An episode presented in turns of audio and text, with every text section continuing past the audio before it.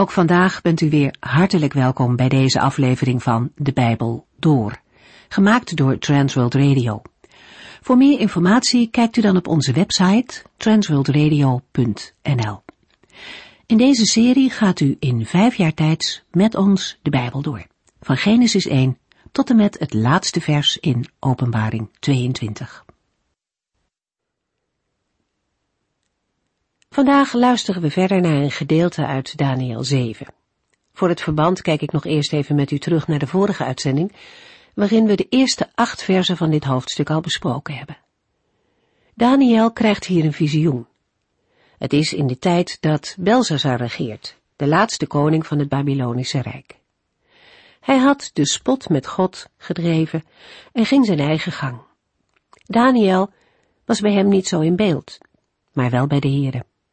God maakt in die tijd zijn plannen bekend aan de profeet. Daniel is dan zo rond de 70 jaar oud. Hij krijgt een droom die hij beschrijft. In het tweede deel van hoofdstuk 7 krijgt hij een verklaring van het visioen. Daniel staat in zijn droom aan de oever van een grote zee. Uit alle vier de windstreken komen hevige stormen. En die winden spreken van onrust, gejaagdheid, beweging en verschillende meningen. De zee wijst op de volken van de wereld. Uit die zee komen vier angstaanjagende dieren op. Een leeuw, een beer, een panter en een verschrikkelijk monster dat geen overeenkomst met andere dieren heeft. Deze laatste overtreft de andere drie in vernielzucht. Hij neemt ook een centrale plaats in de droom en uitleg in. Deze dieren laten de vier wereldrijken zien waar ook Nebukadnessar van droomde. Vanuit aards perspectief waren het machtige wereldrijken, vol pracht en heerlijkheid. Maar Daniel beziet de geschiedenis vanuit het perspectief van God. En hij ziet de beestachtigheid en de angstaanjagende gebeurtenissen van deze wereldmachten, die geen rekening met God houden. Behalve dat de dieren de wereldrijken uit het verleden laten zien, kunnen we ze gezamenlijk ook zien als een typering van de wereldmacht van alle tijden. Ze komen ook in openbaringen weer voor. In vers 12 lezen we namelijk dat in het gericht aan het einde van de geschiedenis hun macht wordt ontnomen. Door alle eeuwen heen is er steeds een koninkrijk van Babel, dat lijnrecht tegenover Jeruzalem staat, onder welke naam het zich ook aandient. Tot aan het eindgericht zijn die twee koninkrijken er naast elkaar en tegenover elkaar. waar het om gaat is, bij welk koninkrijk hoort u? We lezen verder in Daniel 7 vanaf vers 9. We pakken de draad weer op van de bespreking van Daniel 7. In de vorige uitzendingen zagen we dat Daniel 7 de wereldgeschiedenis in vogelvlucht laat zien. Met andere woorden, van bovenaf bekeken, door de ogen van een profeet van wie de Heere de ogen heeft geopend. We zagen de koninkrijken van de wereld, en bij alle verscheidenheid in gedaante hadden al die koninkrijken van de wereld iets beestachtigs. We zagen steeds duidelijker anti-goddelijke en anti-christelijke trekken, vooral bij de verschijning van het vierde dier. De anti-goddelijke trekken werden tenslotte vlees en bloed in hem, die door de opkomst van de elfde hoorn werd aangeduid als de mens van zeer grote zonde, de persoon van de antichrist, op wie de wereldgeschiedenis uitloopt. In zo'n tijd is het voor Gods volk geen aangename tijd. Zij leven dan immers als schapen onder de wolven. Maar vooral de laatste tijd zal erg benauwd worden. Gods volk zal worden uitgeknepen en uitgewrongen. Een geweldige afval zal er zijn. Diep ingrijpende ontrouw aan de Heer en zijn gemeente. In Daniel 7 vers 25 lezen we een typering van die tijd. Hij zal tekeer gaan tegen God de Allerhoogste en zijn heiligen achtervolgen. Hij zal proberen alle wetten, regels en gebruiken te veranderen. Drieënhalf jaar lang zullen de heiligen aan zijn grillen worden overgeleverd. Wat gaat er in zo'n tijd dan allemaal veranderen? Sommige Bijbeluitleggers wijzen hierbij op de afschaffing van de zondag als de dag van de Here. Maar wat in vers 25 wordt beschreven gaat veel verder. De antichrist schaft niet af. Onder andere in 2 Thessalonicense 2 hebben we gelezen dat de antichrist ook een religieuze figuur is. Hij verandert de dingen. Verandering is het modewoord van de regering van de antichrist. Alles moet anders. Geen wonder dat gelovigen vaak huiverig zijn voor veranderingen. Een gelovige weet ook dat alle veranderingen nog geen verbeteringen zijn. Er is eerder vernieuwing nodig, wedergeboorte, waardoor een door de zonde tot beest geworden mens een nieuw schepsel wordt, geschapen in Christus Jezus, om de levende God te dienen. Maar daar moet de antichrist, deze wereldheerser, niets van hebben. Hij wil de tijden veranderen, dat wil zeggen de tijden uit de hand van de Here nemen om er zelf over te kunnen beschikken. De antichrist streeft naar wereldmacht en wereldbeheersing. En daarbij moet de wet van God vervangen worden door de wet van de mens. Dat wil zeggen door wetteloosheid en normloosheid. De remmen moeten los. Wij maken zelf de dienst uit. Luisteraar, ziet u er iets van in de wereld waarin wij leven? Zegt u het ook wel eens, er verandert zoveel en het gaat zo snel. Zit daarachter niet het drijven van de antichristelijke machten? Wordt er vandaag niet een grootscheepse poging ondernomen om waarden en normen om te keren? Wordt er niet ingegrepen in structuren en wetten die de Heer al heeft vastgesteld bij de schepping van hemel en aarde? Het moet anders in de man-vrouw verhouding, in huwelijk en gezin. Het moet anders in zaken betreffende dood en leven. We manipuleren met alles wat de Heer in zijn schepping heeft gelegd. Waarom? Omdat wij mensen het beter weten dan God? Omdat we er plezier in hebben Gods wetten te breken? Wie Daniel 7 vers 25 op zich laat inwerken, ontdekt dat het wel eens veel later zou kunnen zijn op de wereldklok dan velen vermoeden. Is het ook niet een symptoom van dit antichristelijke denken als beweerd wordt dat onze nieuwe inzichten ons brengen tot een anders verstaan van de Bijbel en tot een andere visie op de christelijke gemeente? Als we naar het onderwijs van de Heer Jezus luisteren in Matthäus 24, dan hoef je geen profeet te zijn om te zien dat de zaken die de heiland daar noemt, volop in onze tijd gebeuren, met een intentie en een snelheid die zijn weerga niet kent. De Jezus zegt tegen zijn volgelingen in Matthäus 24, vers 6 tot en met 14, Wanneer jullie allerlei berichten over oorlog horen, maak je dan niet ongerust. Er moeten wel oorlogen komen, maar die wijzen er niet op dat het eind er al is. Over de hele wereld zullen volken tegen elkaar strijden. Er zullen hongersnoden en aardbevingen zijn. Maar dat is allemaal nog slechts het begin van de ellende. Dan komt er een tijd dat jullie gefolterd, gedood en overal ter wereld gehaat worden, omdat jullie bij mij horen. Velen van jullie moeten dan ineens niets meer van mij hebben. Die zullen de anderen haten en verraden. Er zullen veel valse profeten komen. Ze zullen velen op het verkeerde spoor brengen. Het kwaad zal hand over hand toenemen, zodat de liefde van de meeste zal verkoelen. Maar wie dwars door alles heen aan mij vasthoudt, zal gered worden. Het goede nieuws over het koninkrijk van God zal overal ter wereld worden gebracht, zodat alle landen het zullen horen, en dan zal het einde komen. In moeilijke tijden, als het niet van een leien dakje gaat, als er mogelijk vervolgingen komen, het kwaad hand over hand toeneemt, zodat de liefde van de meesten verkoelt, dan zegt de Heer Jezus, maar wie dwars door alles heen aan mij vasthoudt, zal gered worden. Heere, kom mij te hulp, opdat ik u mag vasthouden. Er staan in Daniel 7 vers 25, tussen al die verontrustende woorden, ook nog troost worden. Er staat, hij zal proberen alle wetten, regels en gebruiken te veranderen. Met andere woorden, de antichrist zal het wel proberen, maar het zal tenslotte toch een grote vergissing blijken te zijn en een bewijs van grenzeloze zelfoverschatting van alle die hem op deze heilloze weg volgen. Drieënhalf jaar lang zullen de heiligen aan zijn grillen zijn overgeleverd. In andere vertalingen lezen we voor drieënhalf jaar lang, voor een tijd en tijden en een halve tijd. Een wonderlijke aanduiding, zoals we die ook tegenkomen in het Bijbelboek Openbaring. Er zijn twee manieren van verklaring. De eerste is dat we deze aanduiding getalsmatig lezen. 1 plus 2 plus een half is 3,5.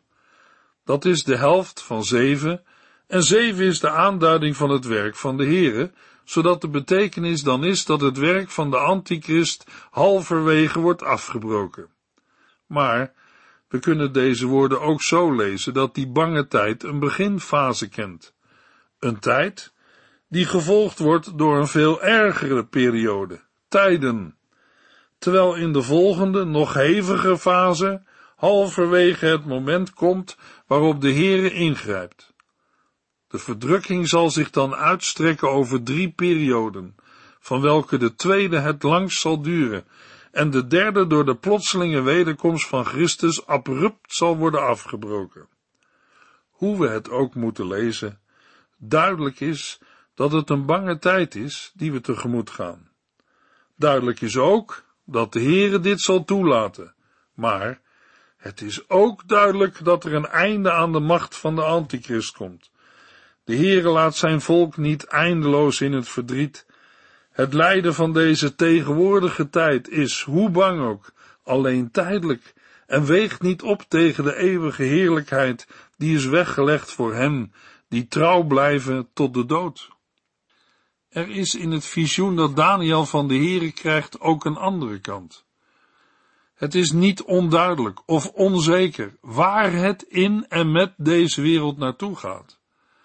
Het is zelfs zo dat de hemelse uitlegger in vers 17 en 18 op die andere kant alle nadruk laat vallen.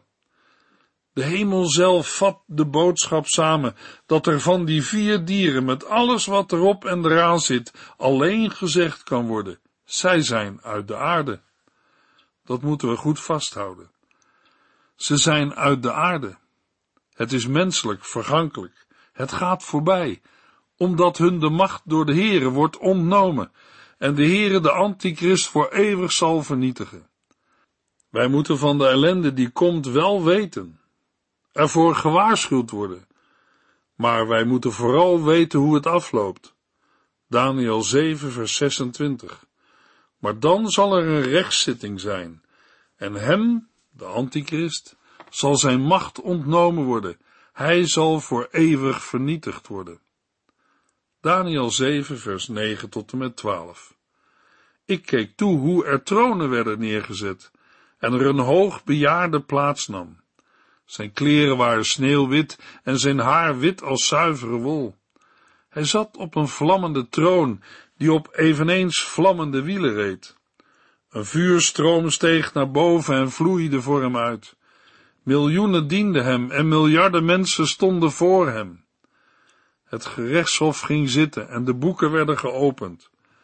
Terwijl ik keek, hoorde ik de overmoedige woorden van de hoorn van het vierde dier. Ik bleef kijken tot hij werd gedood en zijn lichaam werd verbrand. Wat de drie andere dieren betreft, hun werd hun macht ontnomen, maar zij mochten nog enige tijd blijven leven. In vers 9 verplaatst zich het visioen naar de hemel. De versen 9 tot en met 12 worden samengevat in vers 22 en toegelicht in vers 26. Deze versen laten heel andere dingen zien dan de vorige verse. Er ontvouwt zich een totaal ander schouwspel voor de ogen van een verbaasde Daniel. De profeet ziet dat er een rechtszaak wordt geopend, er worden tronen geplaatst, er gaat een rechtszaak beginnen. Het eerste wat Daniel ziet, nadat de tronen zijn neergezet, is dat er een hoogbejaarde plaatsnam. De rechter. Daniel ziet de Heer in zijn majesteit. Weer moet de profeet zoeken naar beelden om opnieuw aan te geven wat zijn ogen zien en wat zijn mond niet uit kan spreken. Hij noemt de Heere een hoogbejaarde, of zoals we in andere vertalingen lezen, een oude vandaag. Het bepaalt ons bij de eerbiedwaardigheid van de verschijning die hij ziet, maar ook bij het eeuwige van zijn bestaan en het blijvende van zijn regering, die immers in de Bijbel met dagen wordt aangeduid. Tegenover het verschrikkelijke van de vier dieren staat het eerbiedwaardige en onzagwekkende van de verschijning van de Heere. Tegenover het vergankelijke van de macht van de vier dieren staat het blijvende en eeuwige van de heerschappij van de Heere. De Heer is met niets van deze aarde en wereld te vergelijken. Hij is de geheel andere, de verhevene, de heilige. En wat Daniel zijn kleren en zijn haar noemt, onderstreept die volkomen heiligheid. Onwillekeurig denken we hierbij ook aan de verschijning van de mensenzoon aan Johannes op Patmos in Openbaring 1. Deze mensenzoon is de verheerlijkte Heer Jezus Christus, en zijn verschijning wordt met dezelfde beelden omschreven. Daarmee worden wij herinnerd aan woorden die de heiland sprak tegen Filippus in Johannes 14. Wie mij gezien heeft, heeft de Vader gezien. Wat Daniel verder nog ziet is allemaal vuur. Hij zat op een vlammende troon die op eveneens vlammende wielen reed. Een vuurstroom steeg naar boven en vloeide voor hem uit. Als de troonwagen, denk aan de profetieën van Ezekiel, zich voortbeweegt, spatten de vonken eraf. Een vuurgloed gaat voor de Heer uit. Daniel ziet dat de Heer een verterend vuur is. Dat zagen de Israëlieten ook in Exodus 24 vers 17, toen Mozes de berg Sinaï opging. We lezen er, het volk onderaan de berg was getuige van het indrukwekkende schouwspel. De heerlijkheid van de Heere op de bergtop leek op een verterend vuur. Wat Daniel ziet, is geen vriendelijke oude man op een stoel, maar de Heere in zijn wijsheid, macht en kracht. We kunnen niet met hem spelen. Hij laat niet met zich spotten. Wie zich vergrijpt aan de Heere en aan zijn naam en werk speelt met vuur. Even zitten we met de vraag wie er op die andere tronen zitten, omdat we in vers 9 lazen over tronen die werden neergezet. Een antwoord daarop lezen we in vers 22, waarin de Hebreeuwse tekst staat dat de heiligen het koningschap in bezit namen. Wat ook wil zeggen dat zij met de Heere de wereld zullen oordelen. In 1 Corinthians 6 vers 2 zegt de apostel Paulus tegen de gelovigen, of weet u niet dat de gelovigen straks over de wereld zullen rechtspreken? De gelovigen of de heiligen zullen straks met de Heere de wereld oordelen. Maar Daniel ziet meer. Hij ziet een schare die niemand tellen kan. We lazen miljoenen dienden hem en miljarden mensen stonden voor hem. Met de miljoenen zijn de engelen bedoeld die de Heere dienen en in aanbidding voor hem staan. Bij de miljarden mensen denken we aan de geweldige gedachte en werkelijkheid dat alle verlosten met de engelen eens zullen staan rondom de troon van God en het Lam. En wie tot dat verloste volk door genade mag horen, wordt ontroerd bij die gedachte, dat hij of zij, een nietig mens, daar eens tussen zal staan. Daniel vertelt verder. Hij leidt ons verder naar het volgende dat hij ziet. Die aanblik roept weer heel andere gedachten op. De rechtszaak begint en de boeken worden geopend. En dan is het snel gedaan met de grote en overmoedige woorden van de hoorn van het vierde dier. Al zijn boze daden en woorden komen aan het licht. Hij heeft geen enkel verweer meer. Zijn macht wordt hem ontnomen en hij zelf wordt voor eeuwig vernietigd. De woorden waarmee de hoogste rechter over hem oordeelt, spreken zowel van de eerste als van de tweede dood. Hij wordt ter dood gebracht en vervolgens overgegeven om in het vuur geworpen te worden. De hemelse rechter heeft hem rechtvaardig geoordeeld, naar zijn woorden en daden. Er loopt een duidelijke lijn van Daniel 7 vers 10 en 11 naar Openbaring 20. Dat is opnieuw een nieuw bewijs dat wij bij de elfde hoorn moeten denken aan de persoon van de antichrist.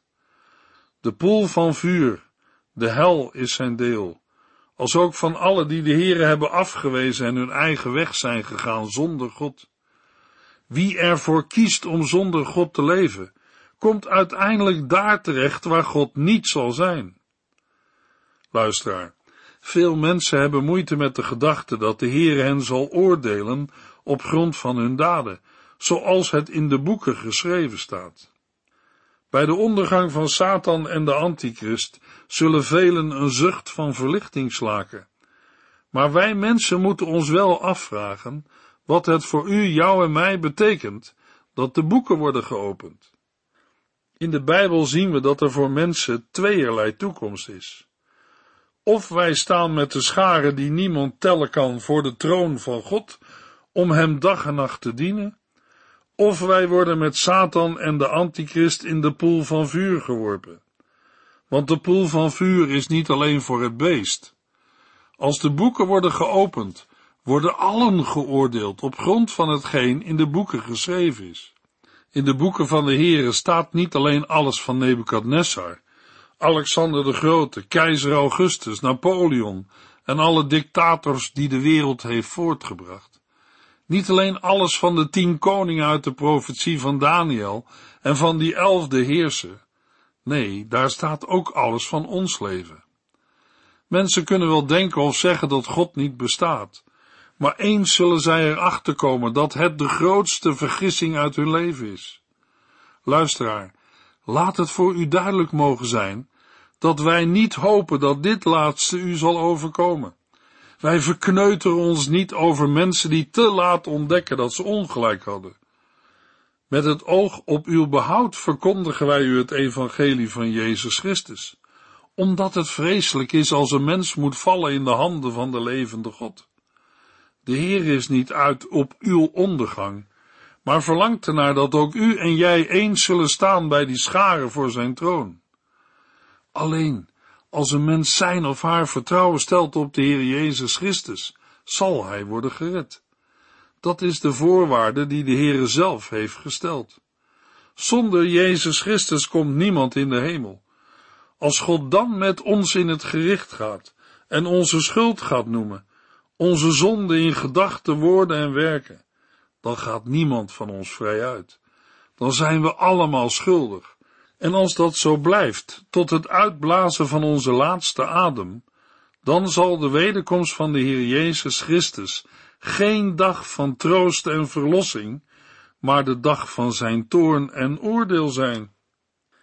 Daniel 7, vers 13 en 14. Daarna zag ik in mijn droom de aankomst van iemand die eruit zag als een mensenzoon. Hij kwam op de wolken van de hemel en werd naar de hoogbejaarde geleid. Hij ontving macht en heerschappij om te regeren en werd overladen met eerbewijzen. Mensen van allerlei verschillende volken en talen dienden hem. Hij zal eeuwig heersen en aan zijn macht zal geen einde komen. Zijn koningschap is zo geweldig dat het nooit ten val zal komen. Gelukkig ziet Daniel nog meer. Hij ziet niet alleen het oordeel.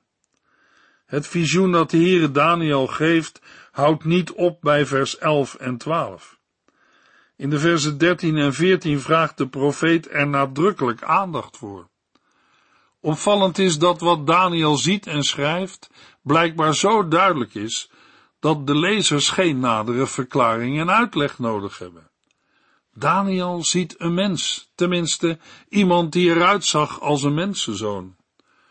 Voor ons is die aanduiding een titel geworden, maar het staat er in het Hebreeuws in feite heel gewoon, zoon van een mens, een mens. Hij komt op de wolken van de hemel. Engelen begeleiden hem in statie tot voor de troon van de Heere God. Hij ontvangt het koninkrijk dat de hele wereld omspant en dat eeuwigdurend is en nooit ten val zal komen. Een totaal ander koninkrijk dan dat van de vier dieren. Wie is deze mensenzoon? Als we de evangelie lezen, ontdekken we dat de Heer Jezus zichzelf bij voorkeur aanduidt als de mensenzoon. Maar het woord mensenzoon is op zichzelf een aanduiding die ieder mens van zichzelf kan zeggen. Bijvoorbeeld, ik ben een menskind, ik ben een mens. In Matthäus 26, tijdens het verhoor door Caiaphas, openbaart de Heer Jezus zich in alle duidelijkheid met een verwijzing naar het woord mensenzoon. We lezen in Matthäus 26, vers 63 en 64, maar Jezus bleef zwijgen. Uit naam van de levende God, riep de hoge priester, zeg ons of u de Christus bent, de Zoon van God. U zegt het, antwoordde Jezus. Straks zult u de mensenzoon zien zitten aan de rechterhand van God. U zult hem ook zien terugkomen op de wolken van de hemel. Daar zegt de Heer Jezus, ik ben die zoon des mensen van Daniel 7 vers 13. Daniel ziet hier wat Paulus in 1 Timotheus 3 vers 16 noemt de grote waarheid die God ons bekend heeft gemaakt. Christus kwam als mens naar de aarde, werd door de geest rechtvaardig verklaard en door de engelen gezien. Hij werd onder de volken bekend gemaakt, in de wereld aanvaard en weer in de heerlijkheid van de hemel opgenomen. Daniel ziet het hele evangelie als het ware in één beeld samengevat. De mensenzoon, dat is Christus. Die mens geworden is om ons mensen en om onze verlossing.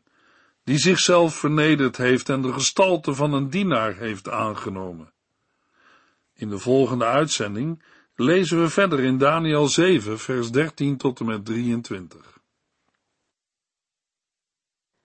U heeft geluisterd naar De Bijbel Door, in het Nederlands vertaald en bewerkt door Transworld Radio. Een programma waarin we in vijf jaar tijd de hele Bijbel doorgaan. Als u wilt reageren op deze uitzending of u heeft vragen, dan kunt u contact met ons opnemen.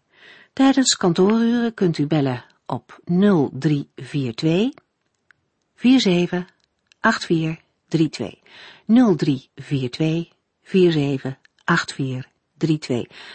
Ook kunt u een e-mail sturen naar de Bijbel door at en natuurlijk kunt u ook via de post ons bereiken. TWR, postbus 371, postcode 3770, AJ in Barneveld.